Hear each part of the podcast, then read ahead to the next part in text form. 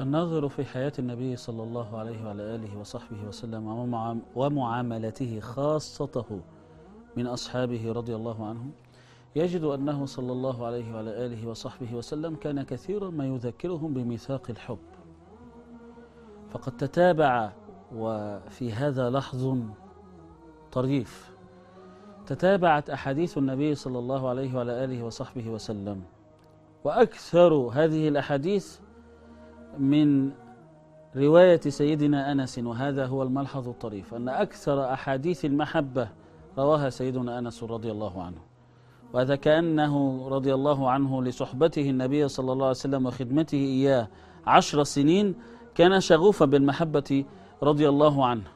لأنه كان يختلط بالنبي صلى الله عليه وسلم اختلاطا خاصا عليه رضوان الله وهنيئا له سيدنا أبو حمزة. رضي الله عنه وأرضاه. فحديث ثلاث من كن فيه وجد بهن حلاوة الإيمان أن يكون الله ورسوله أحب إليه مما سواهما. هذا هو الميثاق الأعظم. وأن يحب المرء لا يحبه إلا لله رجعنا إلى الحب. وأن يكره رجعنا إلى ما ينافي هذا الحب أو إلى مقتضى هذا الحب فإنه لا تمام لحب إلا بكره.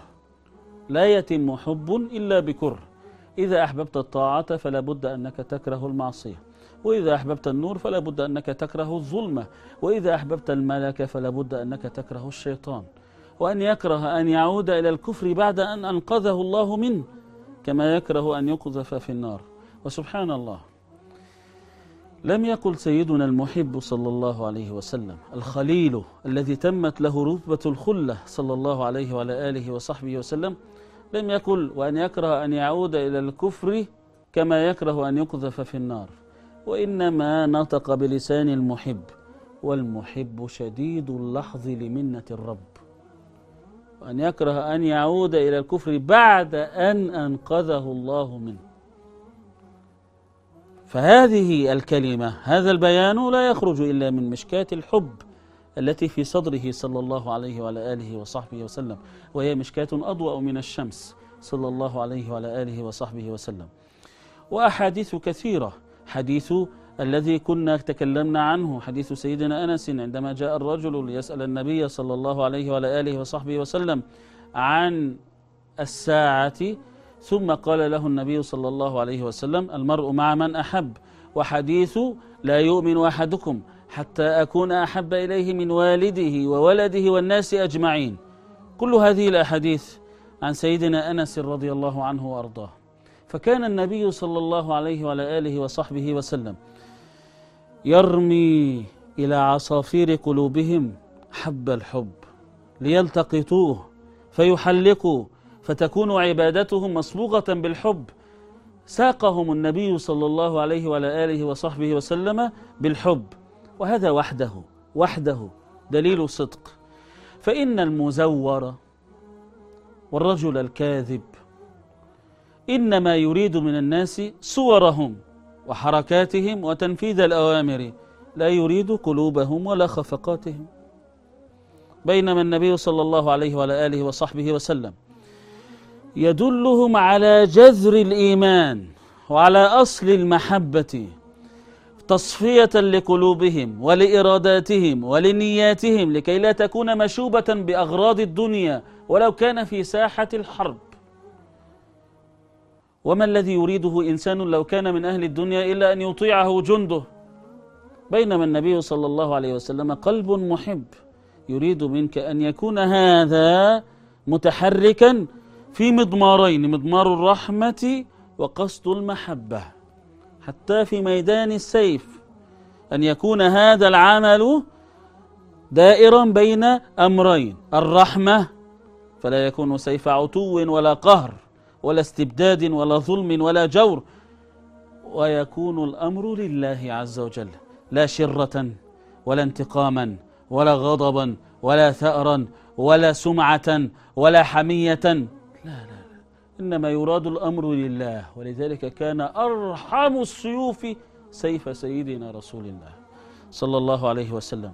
ومن العجائب أن النبي صلى الله عليه وعلى آله وصحبه وسلم عقد ميثاق المحبة الإلهية في أول وقعة كانت بينه وبين قريش. ومفهوم أن أول وقعة تكون متنفس الحقد والغيظ والكراهية. لم يكن الأمر على هذا المنوال. بل, فدى بل قبل النبي صلى الله عليه وسلم فداء الأسرى. بل عاتبه رب العالمين ما كان للنبي أن يكون له أسرى حتى يثخن في الأرض.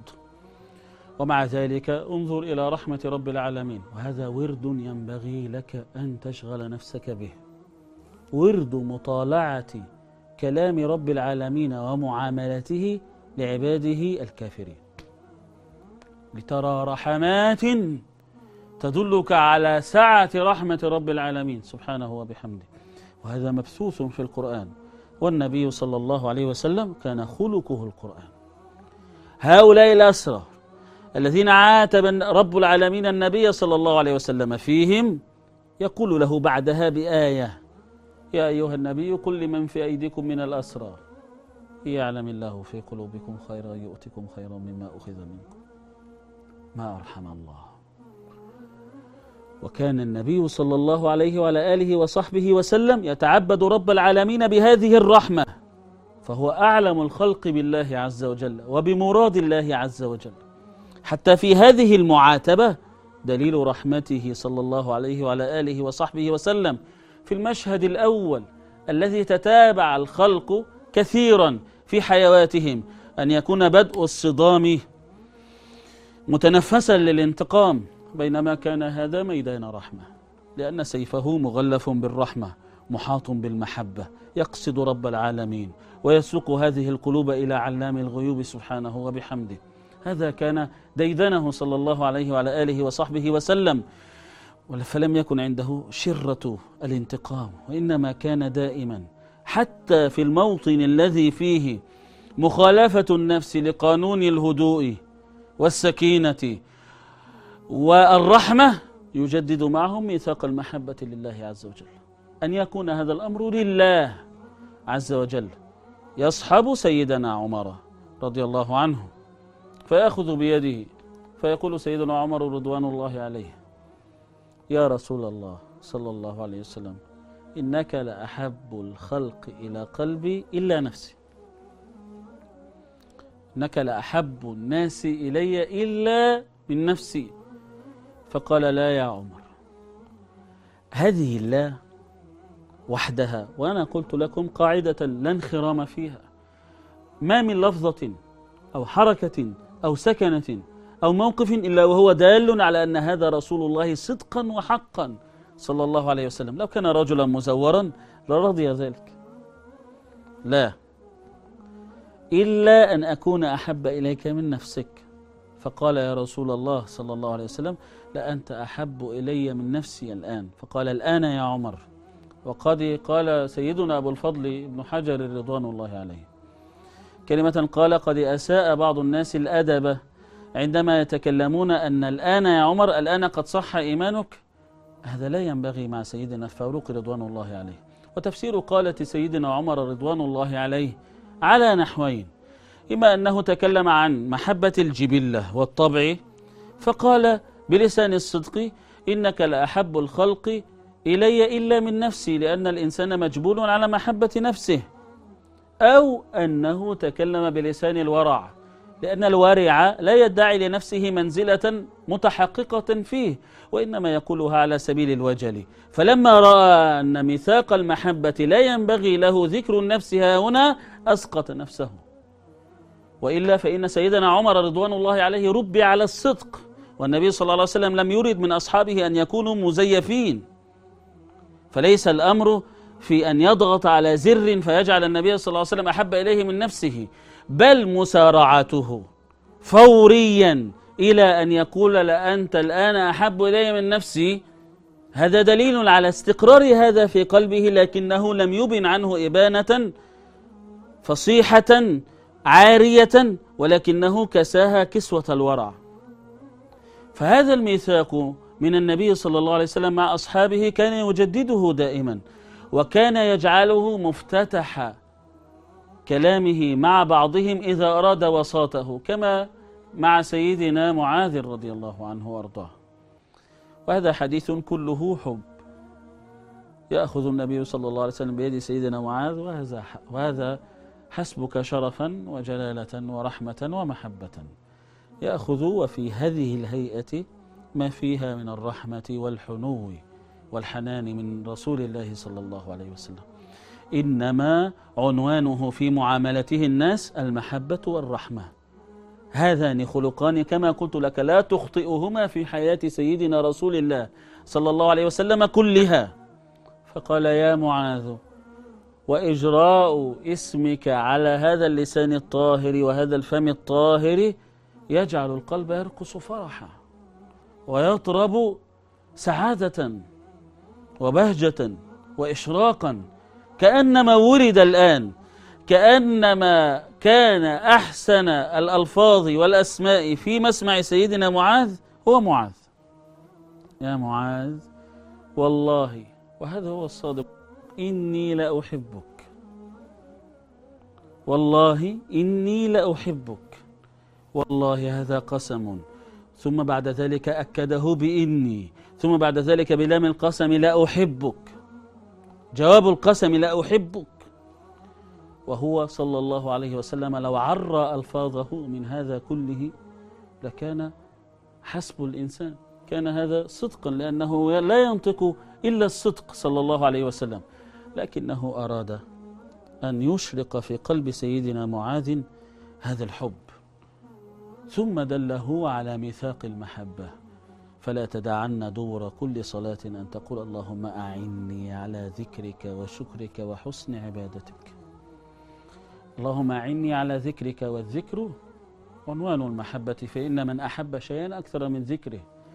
ولذلك ترجمت أمنا الصديقة العارفة بدخيلة زوجها وسيدها صلى الله عليه وسلم ترجمت حياته كلها فقالت كان النبي صلى الله عليه وسلم يذكر ربه في كل أحايينه. هذا عبد لا يكف عن تجديد ميثاق العهد ميثاق المحبة مع رب العالمين. يكثر من ذكر رب العالمين في كل أحايينه.